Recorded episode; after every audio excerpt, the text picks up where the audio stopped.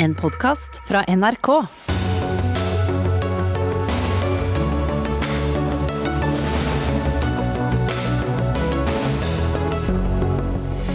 Så kom beskjeden. Norge åpner opp, sakte, men sikkert. Og koronasertifikat får en viktig rolle. Den norske legeforening fraråder norske leger å sette Janssen-vaksinen på folk, selv om den er frivillig å ta, mener den er på grensen til uforsvarlig. Det er strid om muntlig eksamen på videregående, for blir elevene syke eller havner i karantene, må de trolig vente til høsten med å få ta den på nytt. Elevorganisasjonen frykter elever vil møte opp med symptomer på øh, korona, og ber om at hele muntlig blir avlyst. Og to britiske tronarvinger fordømmer den britiske kringkast kringkastingsgiganten BBC. De mener kringkasteren gjorde livet til moren verre. Riktig god kveld og velkommen til Dagsnytt 18. Jeg heter Espen Aas. Der skal vi også innom norske mediers dekning av konflikten i Midtøsten. Og spørre hva det betyr for norske oljeinntekter dersom rapporten til Det internasjonale energibyrået slår til. Men eh, dagens eh, store sak er selvsagt åpne, åpne, åpne, om enn sakte. I formiddag kom iallfall beskjeden om at trinn to av gjenåpningsplanen iverksettes kommende torsdag. Grønt nivå på skolene, du kan reise hvor du vil innenlands, og det blir igjen også tillatt med skjenking til midnatt uten å spise til. Reiser til utlandet de frarådes fortsatt, og Kjell Ingolf Ropstad, barne- og familieminister og leder av KrF, du representerer regjeringen etter dagens pressekonferanse. Hvor trygge er dere på at dette nå er riktig, og ikke minst trygt, så ikke vi blir skuffet om kort tid igjen? Nei, Vi er veldig trygge på det. Eh, og Det har vært grundige vurderinger, og helsemyndighetene har gitt tydelig anbefaling om at dette kan gjøres. Og Vi var jo opptatt av at det skulle gå en tid siden forrige runde, nettopp for å vite disse kriteriene, enten det er smittetrykket, om vaksinene kommer som de skal, eller kapasiteten i helsevesenet. Og alt er på en måte check. Det ser bra ut. Så, så i dag så er vi veldig trygge og tør å gå videre, om enn forsiktig, som du sier. Men er dere da også forberedt på en stigning i smitten, etter hvert som da folk garantert til neste uke kommer til å være langt tettere på hverandre enn de har vært på lenge? Ja, altså jeg henta i barnehagen eh, på, på, vei her, eh, og, og når jeg gjorde det, så kjente jeg jo bare på stemninga at folk var letta og var glad. Så jeg tror at det er mange som nå kjenner på at nå skal vi endelig kunne gjøre mer. Men samtidig så håper jeg jo at folk tenker nøye gjennom hva en gjør for noe. At en fremdeles vasker hender, holder avstand, alle disse enkle tingene selv om en kan møtes noen flere. Men hvis det blir mer smitte, for det er riktig som du sier at det kan nok komme, og iallfall noen steder, så er jo tanken er jo at nå letter vi mer nasjonalt. Vi går over til ikke minst lettelse for barn og unge, grønt nivå i skole og barnehage som blir viktig, men òg å kunne få i gang flere arbeidsplasser. Og hvis det da kommer lokale utbrudd, så kan en slå det og ha strengere regler i kortere periode lokalt, og da fortsatt ha det åpent nasjonalt. Og det er et viktig prinsipp for oss å fortsette. Så det betyr at uh, terskelen for nye, strenge nasjonale tiltak den er høy, men uh, lokale tiltak kan, uh, kan, komme fort? Jeg tror alle må være forberedt. og det er klart at Når vi sier 27. nå, altså neste torsdag for at dette skal, skal tre i kraft, så er det jo nettopp for at det er en del steder det er utbrudd nå. Larvik som et av de siste eksemplene. Kristiansand har hatt utfordringer. Så er det jo for at en lokalt skal eventuelt kunne ha strengere regler enn det vi kommer med i dag. Og det tror jeg vi alle må bare være forberedt på. At en må hele tida sjekke sjekke hvordan det er i sin egen kommune, og være forsiktig. Så er det jo eh, unektelig slik at eh, sommeren står eh, for døren, men du var ganske klar på pressekonferansen i dag når det gjelder å planlegge årets sommerferie. Den bør skje hjemme? Ja, for Hvis du er veldig glad i å planlegge og skal være trygg og ha en forutsigbar sommer, så er jo nettopp det å planlegge for Norges ferie, som er fantastisk, eh, en god anbefaling. Eh, Utenriksdepartementet sine reiseråd gjelder fram til 1. juli, og da eh, fraråder en jo utenlandsreise. Og så skal vi ta grundige vurdering når vi kommer der. og, og skal, Jeg er jo litt optimist på en del av tingene, for når en ser f.eks. Israel eller Storbritannia med den høye vaksinasjonsgraden som er der, og enormt fall i smitte så virker det som at vaksinen fungerer veldig godt. Og vi er oppe på en ja, 36-37 vaksinasjonsgrad av de over 18 år nå. Og vi vet at de neste ukene så kommer det til å komme mange vaksiner. Og da, da, ser det jo lyst ut, med tanke på både fallende smitte, men ikke minst at vi har klart å få de mest sårbare menneskene vaksinert, og at en da gradvis kan fortsette, og òg da eventuelt gjøre det lempeligere òg når det gjelder utenlands. Men, men hovedrådet er jo å planlegge for norgesferie. Vi kan uh, gå på restaurant, vi kan gå i uh, butikker, vi kan samles flere og flere, men breddeidretten, hvorfor må du vente? Den er jo tenkt i trinn tre. Eh, og, og, det som jeg er veldig glad for, er jo for barn og unge så er det mye større åpning. og Jeg, jeg kommer fra en liten kommune sjøl, vi fikk raska sammen et fotballag, men det var ingen andre lag å spille mot i den kommunen. Nå kan en på tvers av kommunegrenser der det er liten smitte, kunne møtes, og det er jo et viktig, viktig beskjed. Og Når det gjelder breddeidretten, og nå tenker jo du først og fremst på dette unntaket for énmeteren, vil jeg anta, så vil det altså komme i trinn tre. Og, og da har vi jo sagt at det er data, og ikke dato som er det styrende. men men òg et minimum på tre uker. Mm. Så en kan jo regne seg fram da, fra 27., altså minimum tre uker. Og hvis smittesituasjonen utvikler seg positivt, at en har en stabilitet rundt det, at vaksinasjonen fortsetter å stige, og at en ikke sprenger kapasiteten i helsevesenet på noen måte, så har vi jo med et stort håp om å kunne gå til neste trinn. Mm. Jeg skal snart uh, gjenåpne studio, så du kan gå, men jeg skal stille deg et siste spørsmål. fordi at En rekke nøkkelpersoner blir jo nå prioritert i vaksinekøen, blant annet 169 stortingsrepresentanter. Hvorfor skal de prioriteres? Det er vel mange som egentlig har stilt spørsmål hvorfor har ikke eh, de mest sentrale i håndtering av pandemien blitt eh, vaksinert før. Så dette handler jo om at eh, nå har vi vaksinert de aller mest sårbare. Innen veldig kort tid så har alle med underliggende sykdommer osv. blitt vaksinert. Mm. Mange lærere lurer sikkert på hvorfor folkevalgte er viktigere enn dem. Ja, og, og, vi håper jo at alle nå skal få vaksiner eh, innen veldig kort tid. Så nyhetene jo eh, I løpet av juli så vil de sannsynligvis kunne få det, og de fleste lærerne går ut i, i, ferie. Eh, men der er, det er jo stortingsrepresentanten òg. Ja, men, men, det er rett og slett en prioritering inn mot valget. Etter tre uker etter en vaksine så, så er en eh, beregna som, som beskytta. Og da ut ifra demokratiperspektivet så er det viktig at alle stortingsrepresentantene og partiene kan, kan drive den valgkampen på en mest mulig åpen måte, som er et håp om. Mm. Men du tar i hvert fall ikke siste stikk. Det får noen andre ta. Takk skal du ha, Kjell Ingolf Ropstad.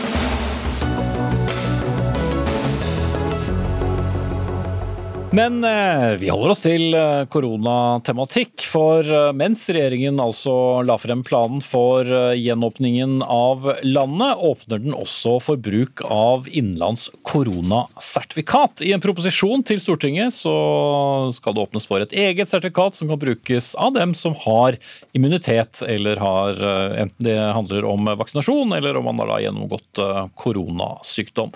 Men Mona Nomi Lindtvedt, stipendiat ved Senter for retts informatikk ved Universitetet i Oslo, eller UiO for de som liker kortformen. Det har vært en rekordrask høring da med et voldsomt engasjement. Det har kommet inn 10 000 uttalelser med varierende bruk av store bokstaver, har jeg skjønt. Men mange av disse eh, svarene kommer også fra jurister som er veldig kritiske til regjeringens planer. Hvilke juridiske betenkeligheter ser du med et sånt sertifikat? Med unntak eh, da, av den korte høringsfristen eh, osv., så, videre, så er det kanskje først og fremst dette at formål at formål og bruksområder ennå ikke er fastsatt, selv om dette har blitt nevnt siden, helt siden starten av året, at dette kunne være aktuelt å innføre. Så kom høringen etter ganske lang tid, med en veldig kort frist, én uke. Og fortsatt nå, etter den oppsummeringen og den proppen som ble sendt i dag, så fremkommer det ikke hva som skal være formålet og bruken. Og dermed så blir det opp til eh, departementet, slik det er lagt opp til nå, at de skal fastsette forskrift hva det skal brukes til. Uten da den debatten normalt f.eks. Stortinget ville vært eh, involvert i. Mm. Og da ville du gjerne sett hva da? Klare retningslinjer? At eh, lovforslaget setter noen klare rammer. For så har det jo blitt sagt, kanskje ble det vel sagt på pressekonferansen i dag, at det var noen bruksområder de ser for seg ikke skal være men da kan jo det sies allerede nå i loven. F.eks. at et koronasertifikat ikke skal brukes for å begrense noens eh, tilganger til offentlige tjenester. At det ikke skal brukes eh, som vilkår for tilgang til skole- og studiesteder. Eh, at det ikke skal brukes på arbeidsplassen. Hvis man vet eller mener det allerede, så kan man sette de rammene nå. Hvis man ikke vet hva man skal bruke til det, kan man i hvert fall si hva det i hvert fall ikke skal brukes til. Mm. Så den klarheten mangler? Den klarheten mangler, og dermed så mangler også den klarheten av vurderingen av er dette nødvendig forholdsmessig. og Det er for så vidt gjort i proppen, men veldig generelt. Det er ikke mulig å gå inn i de eh, helt konkrete vurderingene som er nødvendig etter bl.a. Eh, Menneskerettighetskommisjonen, uten å vite hva det skal brukes til. Mm. Proppen, proposisjonen, for de som eh, lurte på det. Vi har byttet ut en statsråd med en statssekretær, nemlig deg, Saliba Andreas Korkunc, statssekretær Helse- og omsorgsdepartementet fra partiet Høyre. Altså åpne for bruk av testing og koronasertifikat aktivt for å kunne åpne opp igjen. Og det er en uh, nødvendig forutsetning for de. Eh, bruken av koronasertifikatet skal være å gi lettelser fra restriksjoner. Eh, det er en veldig prinsipiell tilnærming. Altså at kommer, I Danmark så er det slik at du må bruke koronasertifikat for å gå til frisøren, men i Norge så har vi jo egentlig ja, siden april-mai i fjor så har alle kunnet gå til frisøren, helt uavhengig om de har hatt covid-19 eller er vaksinert, eller selv i Oslo. Så vi kommer ikke til å innføre nå koronasertifikat og si at du kan kun gå til frisøren for eksempel, hvis du har det. Eh, det er snakk om å gi lettelser der hvor det ikke er eh, nødvendig å pålegge så strenge restriksjoner eh, på enkeltmennesker som f.eks. nylig har testet seg, har hatt covid-19 siste seks månedene eller er vaksinert. Men da, som Lindtvedt påpeker, hvorfor kan ikke de retningslinjene være enda klare? I hvert fall hva, hva det ikke skal brukes til? Vi har allerede vide fullmakter gjennom smittevernloven, eh, som vi bl.a. bruker covid-19-forskriften til, til å regulere veldig mye.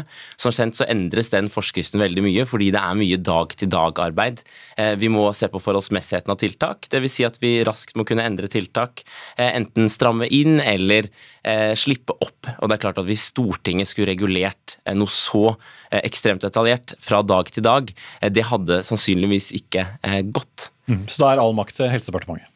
Nei da, det er klart at vi må jo ha noen rammer å forholde oss til. og I proposisjonen så sier jo det at eh, vi ikke skal kunne eh, diskriminere ved hjelp av et koronasertifikat. og Den eneste måten å bruke det, altså å stille et krav om et sånt eh, sertifikat, det er hvis det er mulig i lov og, og, man har hjemmel for det. Så at hvem som helst, en bedrift f.eks., kan ikke si at du må fremvise et sånt sertifikat uten at det er noe som er åpent opp for gjennom lov og hjemmel. Så at vi regulerer dette veldig.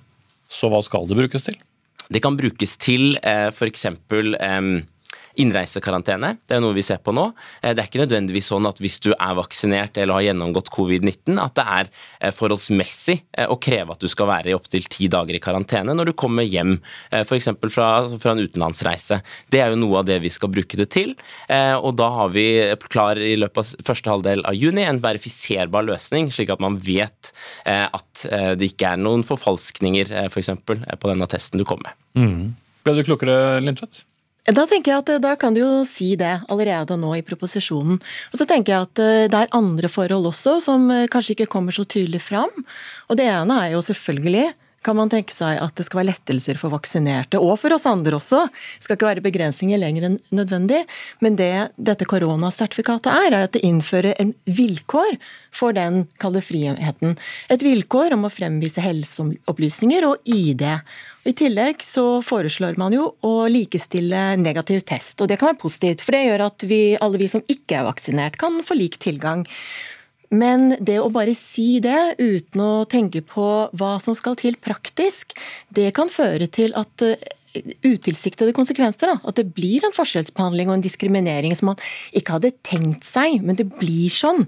Bl.a. fordi det f.eks. ikke er tilgjengelig testkapasitet, det tar for lang tid, du har språkvansker, du klarer ikke å få skrevet ut den ikke-digitale versjonen osv. Så, videre. mm. så den type ting er også veldig viktig at fremkommer nå vurderes grundig og, tas, og for så vidt allerede nå ta stilling til hvordan kan det løses.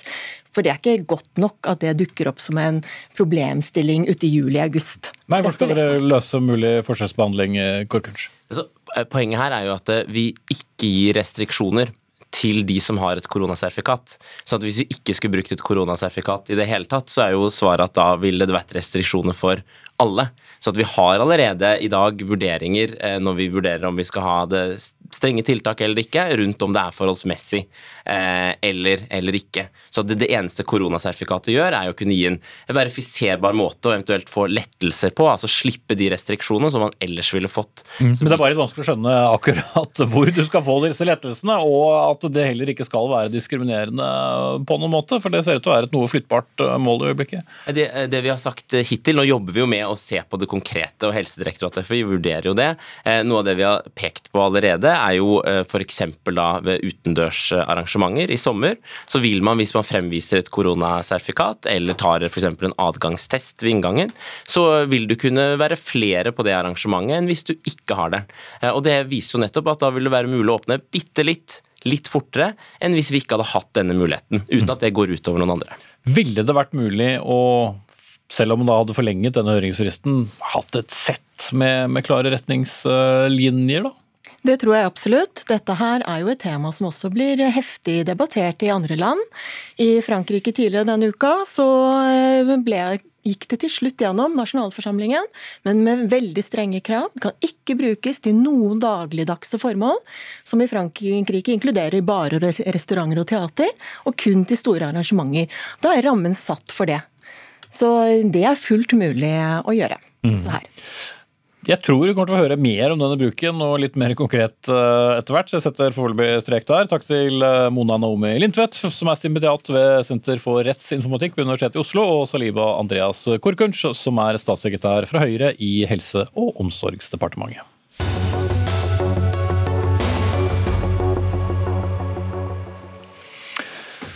Helsemyndighetene har som kjent tatt Janssen-vaksinen ut av det norske vaksinasjonsprogrammet, men jobber stadig med et opplegg slik at folk som skulle ønske å ta vaksinen, kan få gjøre det. Men det har vært en diskusjon rundt det hele, og nå gir Den norske legeforening klar beskjed om at de vil fraråde leger å påta seg vaksinering med Janssen-vaksinen, og Det har de også informert om i et brev til Helse- og omsorgsdepartementet. Og Marit Hermansen, du er president i Den norske legeforening. Hvorfor mener dere at norske leger ikke skal delta? Det er fordi eh, den smittesituasjonen vi har i Norge nå, den er heldigvis sånn at det er lavt og synkende. Og så er vi også veldig nære at store mengder av trygge, sikre vaksiner eh, skal settes i sommer. Og da er det jo slik at eh, for disse unge friske dette vil gjelde, så er risikoen for eh, alvorlige bivirkninger av vaksinen større enn risikoen for eh, for gevinst eller risikoen for alvorlig sykdom av covid. Altså, eh, Risikoen er større enn nytten. Eh, og Dette er jo helsehjelp, og derfor så mener jo vi at denne ikke skal brukes. Ja, Dere bruker jo ord som på grensen til det uforsvarlige. Ja, fordi dette er helsehjelp. Departementet har selv definert det som det. og Når du skal gi helsehjelp, så skal jo legen nettopp vurdere eh, forsvarligheten. Og det er å vurdere nytten opp mot risikoen. Og med lav smittespredning og hos disse unge og friske, så er faktisk eh, risikoen større enn nytten. Og da blir det ikke forsvarlig. Bjørn Gullvåg, helsedirektør. Det er dere som har fått i oppdrag å, å, vurdere hvordan slik eh, frivillig vaksinering eh, med denne Janssen-vaksinen skal kunne gjennomføres i, i, praksis. Eh, hva tenker du om bekymringen fra, fra Legeforeningen?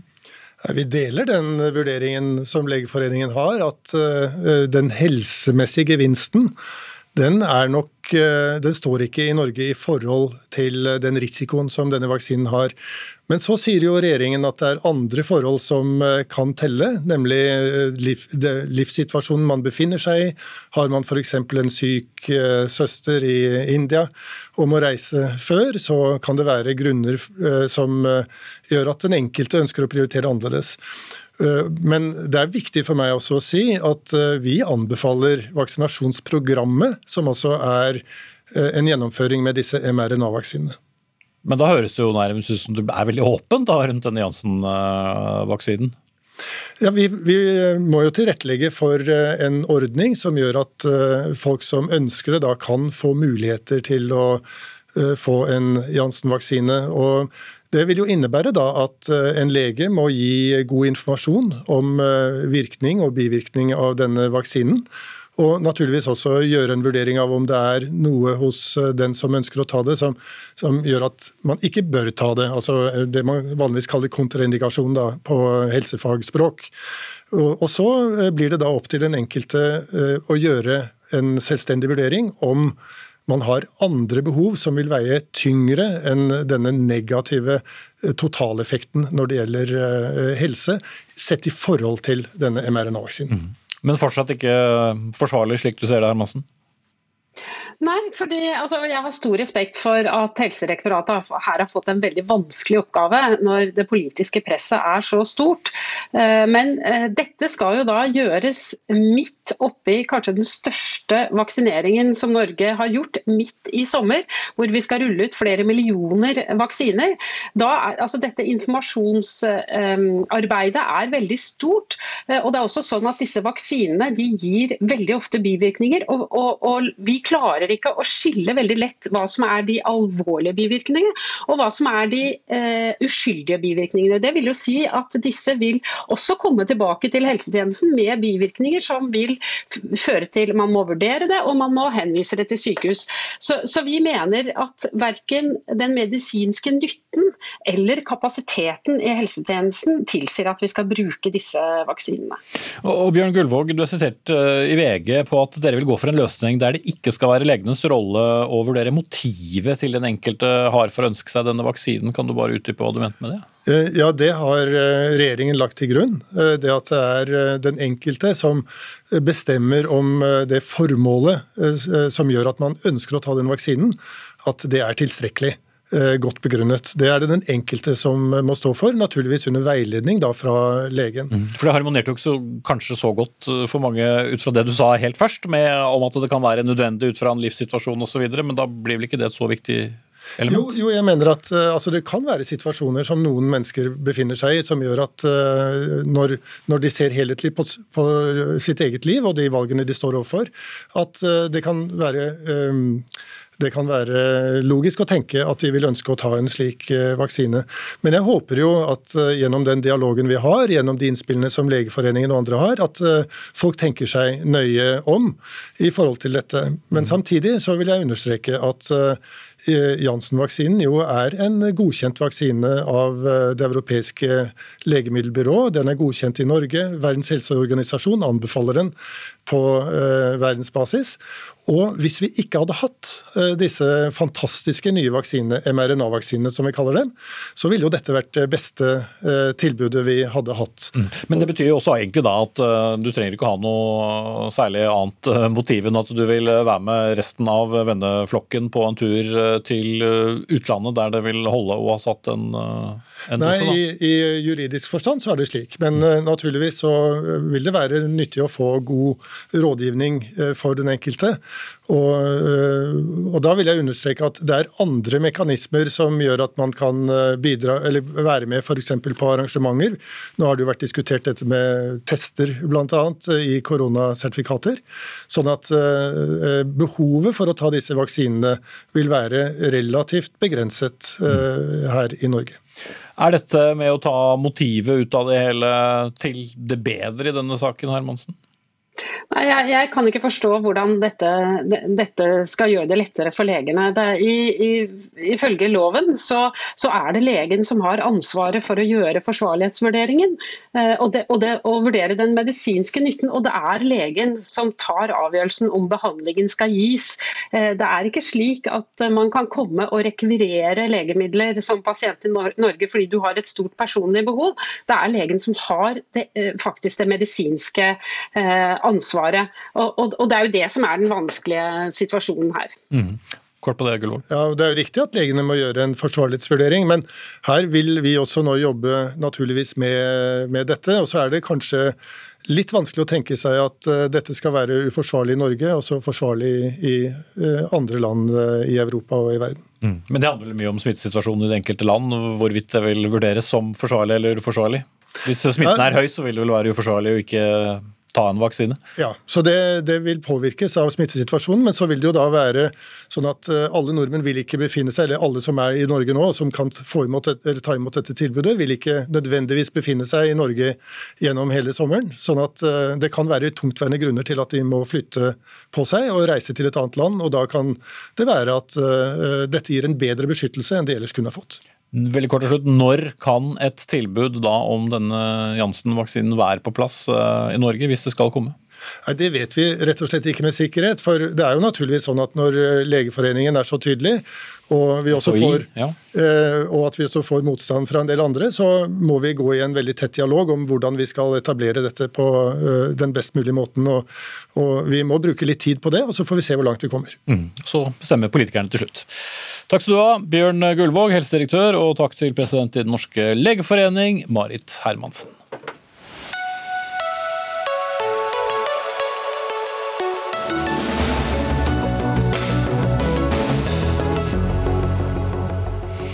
Klokken er 18.25, den ganske nøyaktig. Du ser eller hører på Dagsnytt 18. Mot slutten av denne sendingen så kommer en redaktør og Palestina-komiteen hit til studio.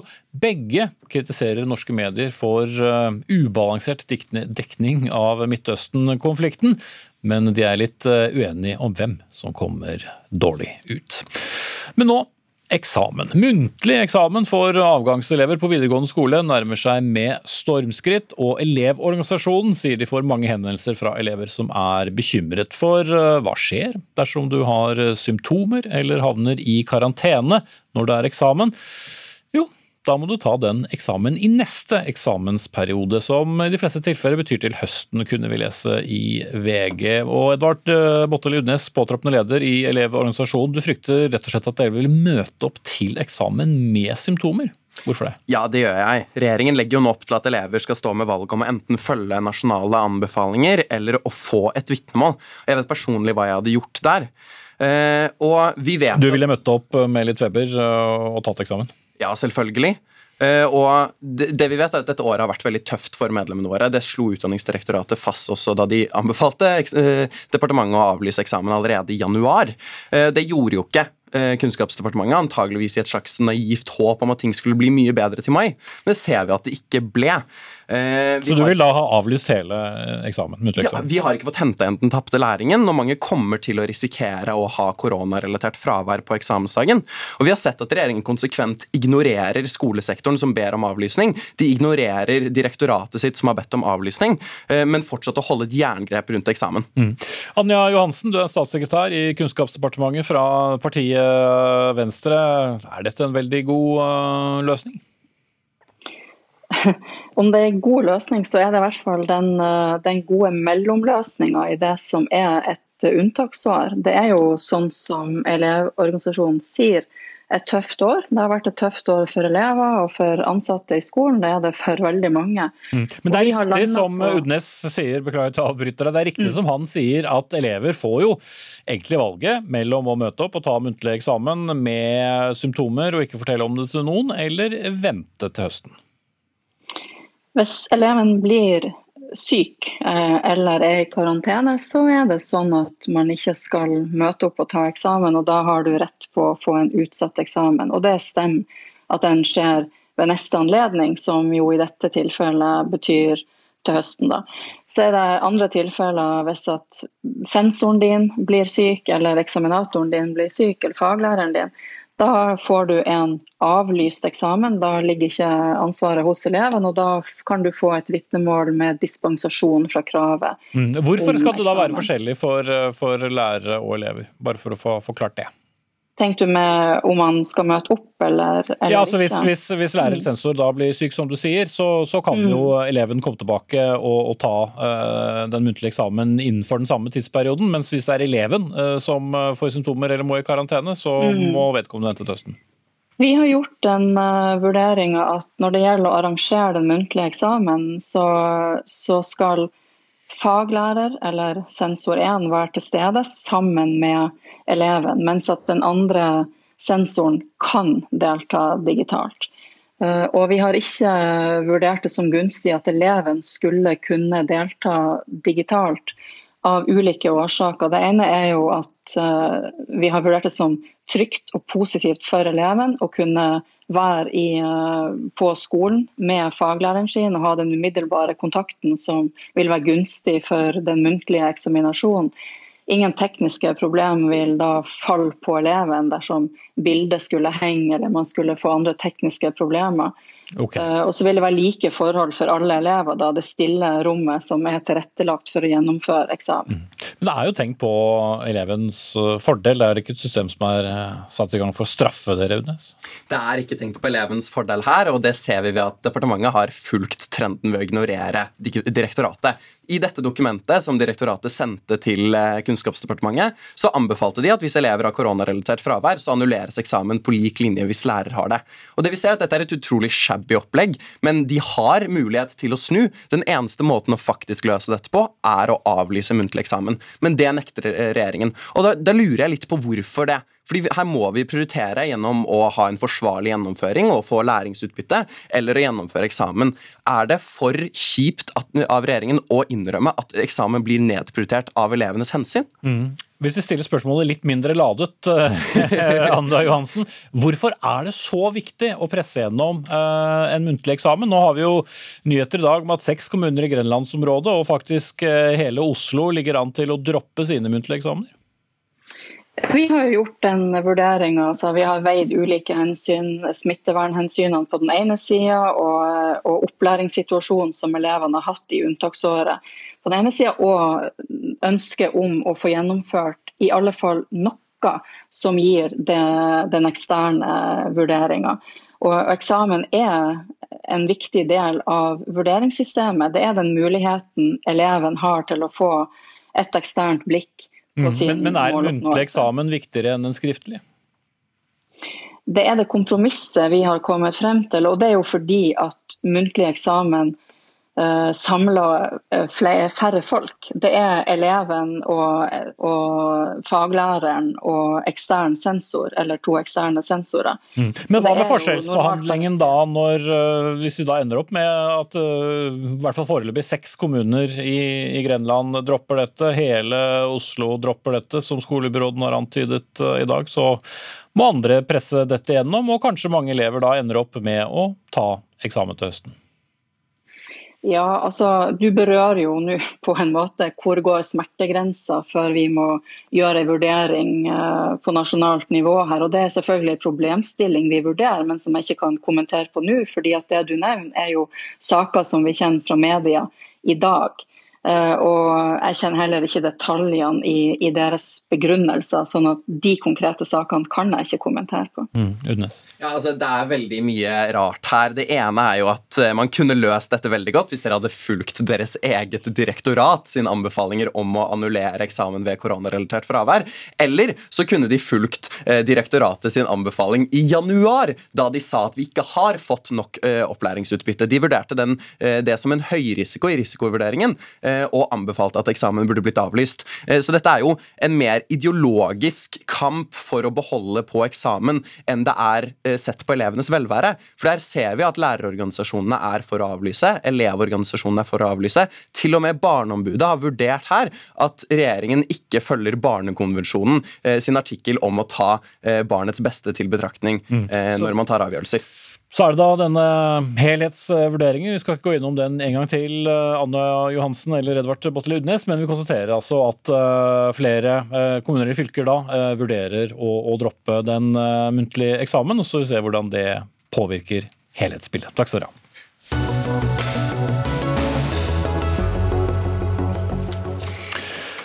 Denne ukens rapport fra Det internasjonale energibyrået IEA om norsk oljeproduksjon skaper eh, stadig bølger og diskusjoner og debatter. Som kjent eh, så sier den at ikke det vil være rom for nye olje- og gassfelt etter 2021 hvis den globale oppvarmingen skal kunne begrenses til halvannen grad, som er FNs eh, klimamål. Dette er skummelt og farlig dersom oljeindustrien ikke tar denne rapporten på alvor. Den omstillingen må begynne nå, sier du Tina Saltvedt, sjefanalytiker for bærekraftig finansvirksomhet i i Nordea.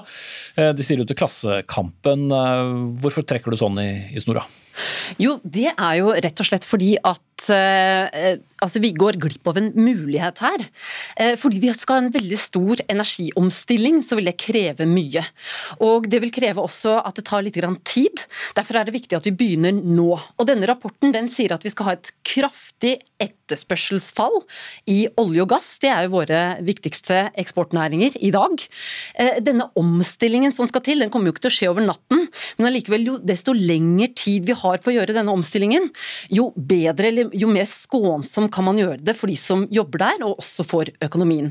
Og i en sånn rapport, altså selv om det ser brutalt ut i dag, så ligger det mange muligheter. Og det er de mulighetene jeg vil at vi skal se, fordi at hvis vi nå fortsetter i den samme banen som vi har gjort, så kan vi risikere å låse arbeidskraft, kapital og teknologi i en sektor som eh, ikke trenger den i like lang, eh, stor grad som de sektorene vi bør bygge opp. Så vi må gripe den muligheten og det vinduet som er åpent nå.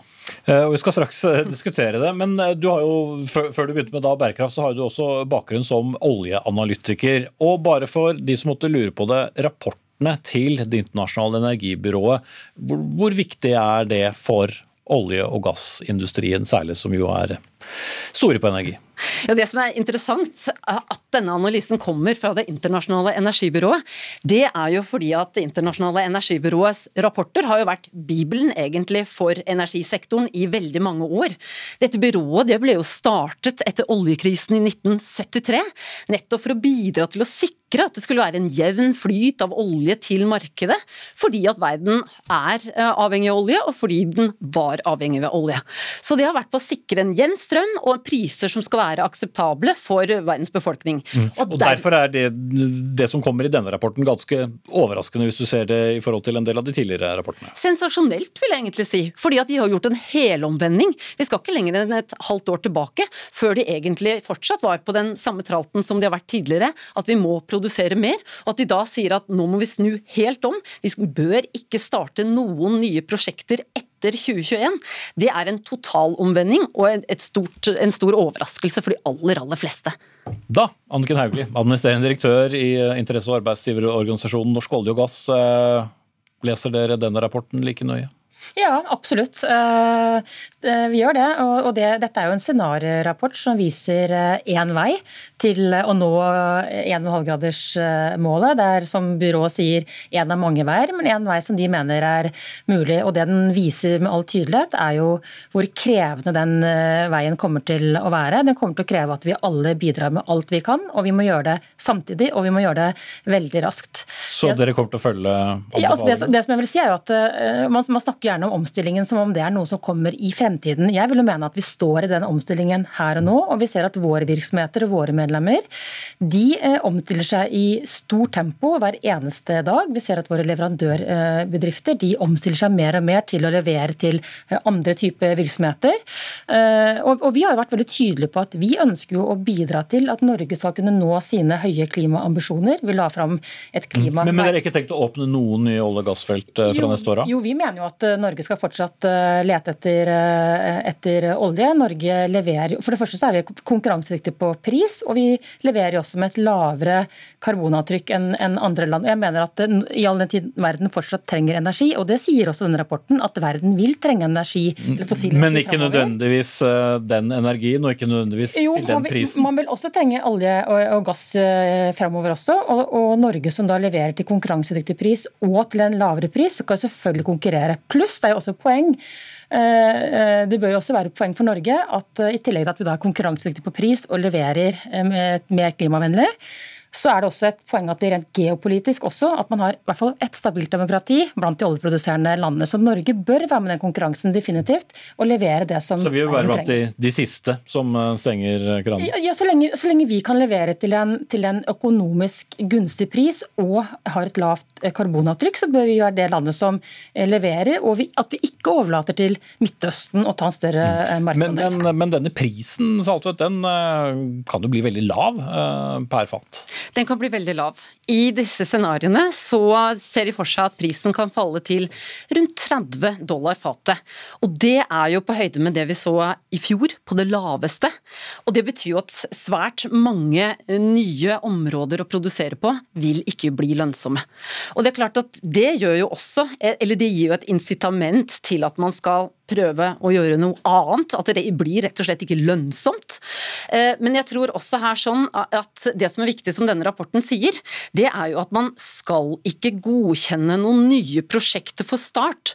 Og da er det klart at selv om man da har kanskje et lavt karbonavtrykk i den produksjonen man har her i Norge, eller kan produsere til en eh, Noen av prosjektene kan konkurrere også i et lavere prisscenario, eh, så, så vil ikke det på en måte påvirke egentlig hvor mange nye prosjekter du skal sette i gang, det har de sagt vi trenger ikke flere. Ferdig med det. Så må man heller se på jo, hvis du kan produsere til en lavere pris. Det betyr jo bare at selskapene heller får en høyere profitt på den produksjonen de lager. Så det blir, altså det spørsmålet det fjerner det egentlig helt. Hvor mange nye prosjekter skal du starte? Du skal ikke starte flere. Det du skal bruke investeringene på, det er å få ned karbonavtrykket på de prosjektene som er i gang, og så skal du effektivisere produksjonen på de som er i gang ingen flere nye. Mm. Men der ligger ikke der, Hauglie? Nei, men, men, det er jo heller ikke gitt at, eh, at, det er de eksisterende feltene som er de mest eh, klimavennlige og lønnsomme. eller Det kan likevel være nye felt som vil ha et lavere avtrykk og, og være mer kostnadseffektivt også. Men det som er viktig synes jeg, med denne rapporten, det er jo at den viser jo hva skal til for at vi skal klare å nå målene. Eh, hva er det vi må satse på av havvind, av hydrogen, av solenergi, av batteri. Det som er bra for Norge, da, og som, og som, gjør at jeg mener at Norge er godt posisjonert, norsk næringsliv og norsk sokkel er godt posisjonert, er jo fordi at dette er jo områder som vi allerede i dag er inne i og er i ferd med å, å gå inn i, og vi kan faktisk lede an i den globale konkurransen hvis vi nå benytter oss av momentumet til å omstille våre eh, virksomheter, til å lede an i det teknologier Når er det momentumet sett fra deres ståsted? Vi, vi, er jo der nå. som jeg sa, Vi la jo fram et klimaveikart i fjor, et revidert klimaveikart nå i vinter. Og vi skal til neste uke lansere en energi- og industripolitisk plattform, NHO-fellesskapet og LO i fellesskap, hvor vi bl.a. både skisserer hva er det industrielle potensialet, og hva skal til for at Norge skal kunne nå det potensialet. Så vi er kommet godt i gang. Mm. Men er de så godt posisjonert eh, sett eh, fra markedssiden, Saltvedt? Nei, de er jo dessverre ikke det. De har begynt, men det går ikke fort nok. Og Jeg sitter jo i finanssektoren og, og jobber eh, til vanlig, og eh, det vi ser nå, det er jo at hva er investorer opptatt av? Jo, de er opptatt av mer klimavennlige løsninger, for det er jo nettopp det disse rapportene sier. Og Derfor er det også viktig at IEA setter denne retningen. fordi at selv om man trenger ikke være helt enig i hvor fort eller hvor mye som skal gå, den setter en retning, og det er viktig for investorer at du har et langsiktig mål på hva du skal nå, og at man faktisk uh, man faktisk lever opp til dette målet. For når investorer hører om en sånn rapport, så legger det den inn i beregningen på hva de skal investere penger i? Ja, for de reagerer på altså, De reagerer ikke når det skjer, men de reagerer på det som skjer i fremtiden. Så man priser inn allerede nå det som skjer langt fremover i tid. Så de vil selvfølgelig innpasse seg etter denne type rapporter, fordi at hvis man vet at man trenger mer fornybar, man trenger mindre olje, ja da putter jo flere og flere pengene sine i den veien vi skal gå, inn i fornybar, og færre og færre er interessert i å investere i olje. Og Det samme skjer jo i andre typer finansiering finansiering, altså lån og annen type finansiering, vanskeligere og vanskeligere å få det for bedrifter som har store fotavtrykk. Mm.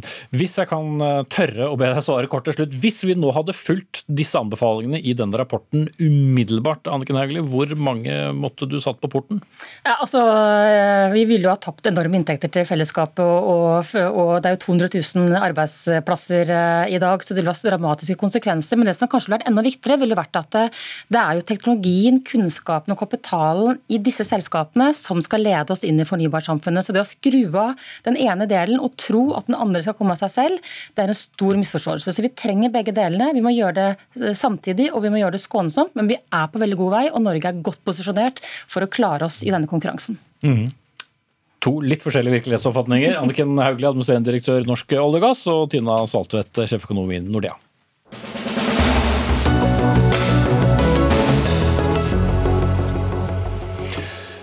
I Storbritannia har det skjedd noe høyst uvanlig på kort tid. Der har eh, to prinser, to tronarvinger, nemlig William og Harry, begge fordømt den britiske allmennkringkasteren BBC etter at det ble kjent at eh, en tidligere journalist eh, der, som nylig gikk av, forfalsket dokumenter for å få til et intervju med deres nå avdøde mor, prinsesse Diana. Dette svært kjente intervjuet ble gitt i 1995 og vakte stor oppsikt, ikke minst fordi prinsesse Diana da for første gang offentlig kommenterte utroskapet til ektemannen prins Charles. Og førstelektor ved Universitetet i Agder, Erik Mustad, at en kommende konge og lillebroren hans rykker ut med fordømmelser som de nå gjør, og det attpåtil til eh, BBC, er jo mildt sagt oppsiktsvekkende. Ja, Den sterke reaksjonen til prins William var kanskje den mest oppsiktsvekkende delen av dette nyhetsbildet, hvor BBC igjen har fått eh, på pukkelen. Og langt mer enn en, en stygg ripe i lakken til BBC er dette. Det hører vi i denne voldsomme reaksjonen til prins William, denne lille videohilsenen som han uh, hadde sendt til BBC.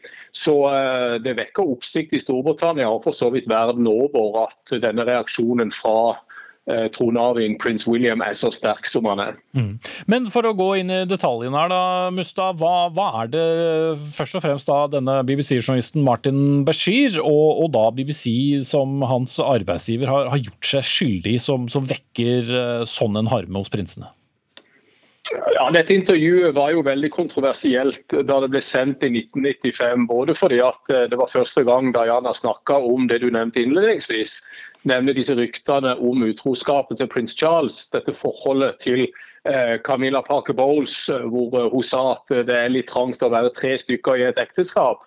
Videre så ga hun nokså detaljerte beskrivelser av det indre liv i kongefamilien, noe som ikke hadde skjedd før. Og så har vi jo sett da i etterkant at Martin Bashir og BBC fingerte dokumenter for å få til dette intervjuet gjennom prinsessens bror, eh, Earl of Spencer, jarlen av Spencer, for å lure eh, Diana til å stille opp i dette intervjuet. Og, og så var det jo like alvorlig det som skjedde i etterkant alt dette som da ble dekka over fra BBCs eh, redaktører, eh, og alle disse eh, interne granskningene som BBC satte i gang, som det ikke kom noe ut av egentlig. Og Ting ble dyssa ned, varslere ble dyssa ned. Ja, Det var rett og slett en del av en nokså dårlig kultur, bedriftskultur i BBC. Og vi ser jo at denne saken dessverre føyer seg inn i rekken av en en, en, mengde dårlig håndterte eh, redaksjonelle prosesser og granskninger i den voldsomme store statskanalen som BBC er, med det ryktet BBC har, som vi må huske på. Mm. Og dermed et, uh, en troverdighet som er, eh, er, eh, solid svekket uh, når også selve det britiske kongehuset går, går til angrep på. Ja, vi vet jo at I etterkant av dette intervjuet så uh, var jo Harry og William sammen om å fordømme BBC. Uh, fordømme måten BBC hadde gjort dette på. For Det gikk jo da rykter om at uh, dette intervjuet hadde brutt med alle etiske normer for seriøs Eh, og god journalistikk, eh, slik som vi kanskje forbinder BBC med. Eh, så dette med at vi nå ser dette komme tilbake igjen etter Dyson-rapporten ble offentliggjort her for ikke så lenge siden, det viser jo at mye av dette har vært holdt hemmelig, holdt nede, dekka. Og så har vi da disse to prinsene som nå igjen fordømmer alt dette. Og så har vi jo da også en statsminister, Boris Johnson, som vi vet har hatt et horn i sida til BBC i flere år. Eh, og eh, Dette hjelper jo ikke på eh, kredibiliteten og troverdigheten da til BBC, ei heller i kongefamilien. Og heller ikke i den britiske regjeringen, dessverre. Mm. Så takk til deg, Erik Mustad, førstelektor ved Universitetet i Agder.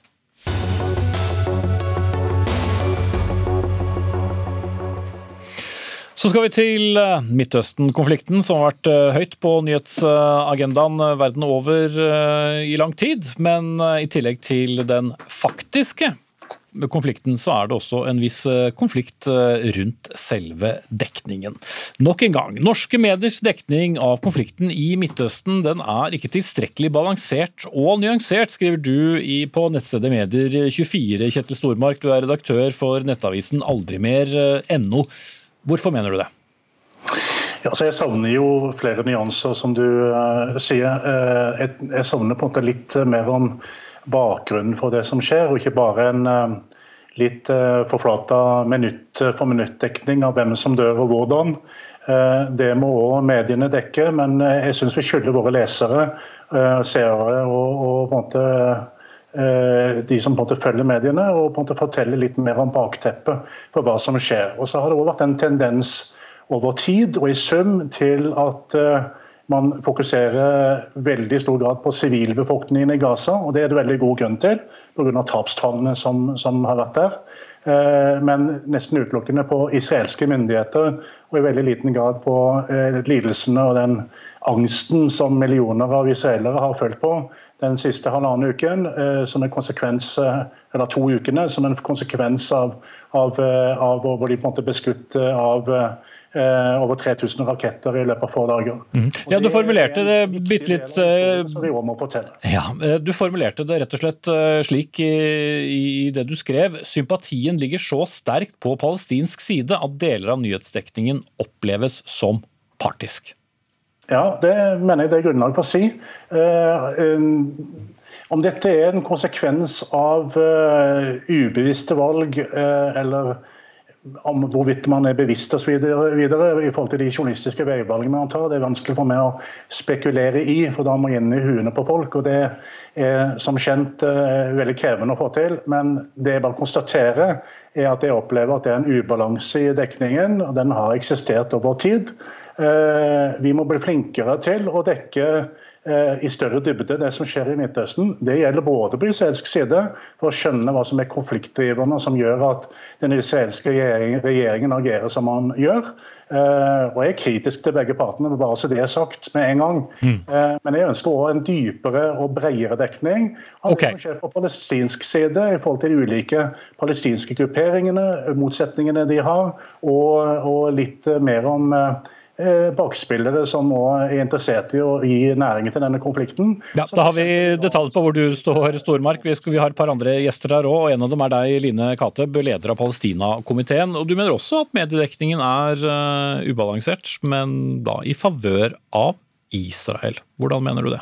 Jo, da mener jeg det, fordi pressens viktigste oppgave er jo å fortelle oss hva som skjer. Det er jo det ene, men det er jo å avkle makt. Og Israel er den største militære makten i hele regionen. Og de driver også en informasjonskrig. De har et eget departement som skal drive med informasjon. NRK gjengir ofte ukritisk eh, uttalelser fra den israelske hæren. Det er én ting. De er veldig bevisst på hvilke ord, hvordan nyanser de bruker, og så gjentar man dette uten å, å stille seg kritisk til det. Og det andre er jo også informasjonsflommen som går i, i sosiale medier. Altså Hasbara, som er da et eget eh, israelsk ord for å drive påvirkning. Kjempeutbredt. De lærer opp studenter, de lærer opp sine egne diplomater. De driver et ganske aggressivt informasjonsspill, og det ser vi jo resultatet av også i norsk presse. Og Derfor får vi jo en ubalanse eh, i dekningen. Mm. Så hvis du ser norsk mediedekning eh, over ett, så, så mener du at den da går i favør av israelsk side? Du, jeg vil si Det er veldig varierende. Du har noen gode saker hvor man snakker med palestinere på bakken. Kan gjerne, jeg er helt enig med Stormark at vi skulle fått mer om bakgrunnen, fått mer om årsakene. Sant? Vi hører kun om Israel og Palestina når det er raketter som blir skutt fra Gazastripen inn i Israel, og så hører vi ikke noe om de daglige okkupasjonen, apartheid, blokaden, det som er årsaken til at det jo ikke er fred. Det er en okkupasjon som skjer. Mm. Ja, Stormark, er det, er det rene, konkrete saker som, som, eh, du da savner? Det må jo også dekkes den, den løpende konflikten. Nå er det jo riktignok en, eh, en våpenhvile akkurat nå, da. Ja, Det er jo på en måte dekningen i sum som er på en måte det jeg prøver å på en måte problematisere. Eh, at jeg, syns at man mangler viktige dimensjoner og elementer for dekningen. Eh, og denne debatten er på sett og vis litt av problemet. at jeg blir, Når jeg ytrer disse tingene, så blir jeg på mange måter forsøkt satt i bås som en Israel-tilhenger. Det er på ingen måte. Jeg er dypt kritisk til begge partene i konflikten og de krigsforbrytelsene som skjer på begge sider. Jeg skulle ønske meg en enda mer kritisk dekning av israelsk bosettingspolitikk f.eks. Men samtidig så må vi også erkjenne at det som kommer ut av Gaza, er også veldig veldig styrt. Jeg er enig i vurderingene fra Palestina-komiteen om at Israel forsøker på sine måter å styre nyhetsdekningen, men det gjør jo Hamas. Det er Eh, jeg kan ikke huske å ha sett f.eks. bilder av skadde Hamas-soldater. det er utelukkende bilder av skadde og drepte sivile som kom ut fra Gaza. Og det er det en grunn til. Dette er veldig strenge på måte, eh, forsøk på å styre nyhetsformidlingen fra Gaza. Og hvor det er, man er åpne da, for nyhetsbyråene som opererer på Gaza, eh, at eh, det er utfordringer i forhold til spesielt lokale stingere sin sikkerhet, i forhold til å være så kritiske i forhold til Hamas som man egentlig skulle ønske å være. Ja, altså, nå har jo Israel bare for noen dager siden bombet det største mediehuset i Gaza. Eh, så det er jo helt tydelig at de ikke ønsker at informasjon skal komme ut på den måten det skal. Og da var det også sånn at Israelske talspersoner sa der fantes det Hamas, da er det liksom unnskyldt. Og så sier jo eh, USA sin utenriksminister Blinken jeg har ikke sett noen bevis på at det er Hamas. Og det er jo òg litt viktig her, for når informasjonen kommer fra den ene sterke siden, så er det veldig vanskelig å demontere deres argumentasjon. Hvem vet om hvorvidt det fantes en Hamas-person i den bygningen? Og det er en militær? Er det en som jobber med informasjon? Er det Altså, vi får jo vite veldig lite om hva som egentlig ligger under, ofte. Sigurd Falkberg Mikkelsen, du er i dag redaksjonssjef eh, her i NRK, og får da mange tilbakemeldinger om hvordan NRK dekker denne konflikten, men du har jo selv også i mange år dekket uh, denne konflikten og andre i Midtøsten som, som, korrespondent. Det er jo ikke første gang at journalister anklages for å være partiske i Midtøsten-konflikten. Hvordan kan du være sikker på at dine journalister ikke er det? Altså, vi gjør jo en jobb eh, som vi prøver å gjøre så, så godt vi kan, eh, med et vanlig og grunnleggende journalistisk eh, håndverk i bånn. og NRK har som jobb å få fram alle perspektiver i denne debatten. Det er viktig, eller denne, i denne saken. Det er viktig for oss. jo, fin festtale, men hvordan gjør vi det? Jo, jo, men det handler, handler jo om at vi dekker de forskjellige sidene, de forskjellige um, perspektivene på denne konflikten. Det betyr at vi dekker israelsk side, vi dekker palestinsk side. og vi prøver faktisk å forklare uh, årsaksbakgrunnen og hvordan dette henger sammen. Og så er det jo ikke sånn at uh, vi ikke har uh, hatt reportasjer fra Israel og Palestina opp gjennom årene som har forklart hvordan, det ser ut på bakken, som har også tatt inn over seg de dilemmaene og de spenningene som er innad i det israelske samfunnet. Så jeg er ikke helt med på denne, denne svartmalingen som, som, som, pågår her. Men med kildevalgene som påpekes her, da? Og så, så er det selvfølgelig ting som Eh, som, som, vi kan bli bedre på. og Vi hører jo på den kritikken, og vi prøver jo hele veien å ha et, både et kildekritisk eh, utvalg eh, når vi, når vi velger saker. Vi mm, diskuterer hele veien både ordvalg, hvem vi snakker med, og hvordan vi gjør det. Og så er vi også avhengig av å bruke israelske offisielle kilder. Det er viktig å få et tilsvar fra israelske militære når de har f.eks. bommet en skole. Så er det viktig for oss å oppsøke de for å høre hva, hva som har skjedd der. Hva, hvor mye hold er det i de påstandene. Så jeg er ikke enig at vi ukritisk videreformidler verken palestinske eh, eller palestinske eh, kilder. Det, men, men, det er vel vinklet informasjon også fra, fra begge sider. Hvordan eh, jobber journalister da, da, med det? For uh, historier om krig fortelles annerledes enn andre historier? Det er helt åpenbart at partene her har en interesse av å vinkle ting til sin fordel. Og det er, det er jo krevende. Det er en ekstremt vanskelig journalistisk øvelse å dekke konflikter uansett hvor i verden de er, og spesielt denne her. Mm. Men ser NRK på den palestinske siden og den israelske siden som to likeverdige sider, f.eks., eller skal man det? Vi er, skal få fram alle perspektivene. og så er det naturlig at vi bruker mer tid i Gaza når uh, mesteparten av ødeleggelsen er der, når det er flest sivile som er drept der, og veldig mye av dramatikken foregår der. Så er det naturlig at vi er mest der.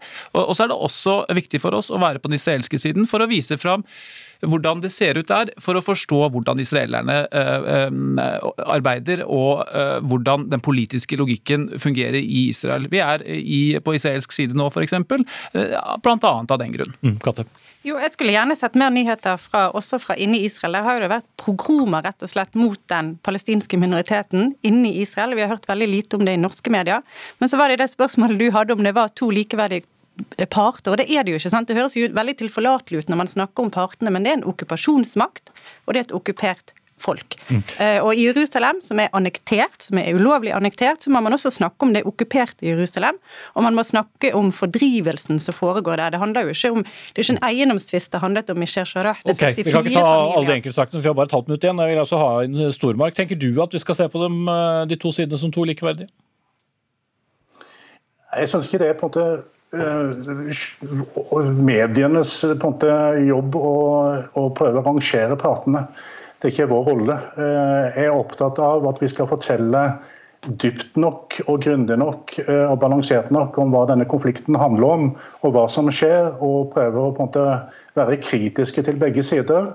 Eh, og ha nok kunnskap og prøve å gjøre våre lesere og seere eh, litt klokere når vi gjør den jobben. Mm. Ok, Jeg setter et punktum der, Kjetil Stormark. Det er ikke bare bare å være på, på, linjen når programleder trer inn, men det er fordi jeg skal si takk til Kjetil Stormark, og du skal høre fra Nettavisen Aldri mer, Line Kate Blender av Palestina-komiteen og Sigurd Falkenberg Mikkelsen redaksjonssjef her i NRK. Pinsen står for døren, og det betyr at det ikke er noen ny Dagsnytt 18 før på tirsdag. Men eh, Dag Dørum, som har vært ansvarlig for eh, denne sendingen, Ida Larald Brenna, som er tekniker, og jeg, Espen Aas, ønsker god helg.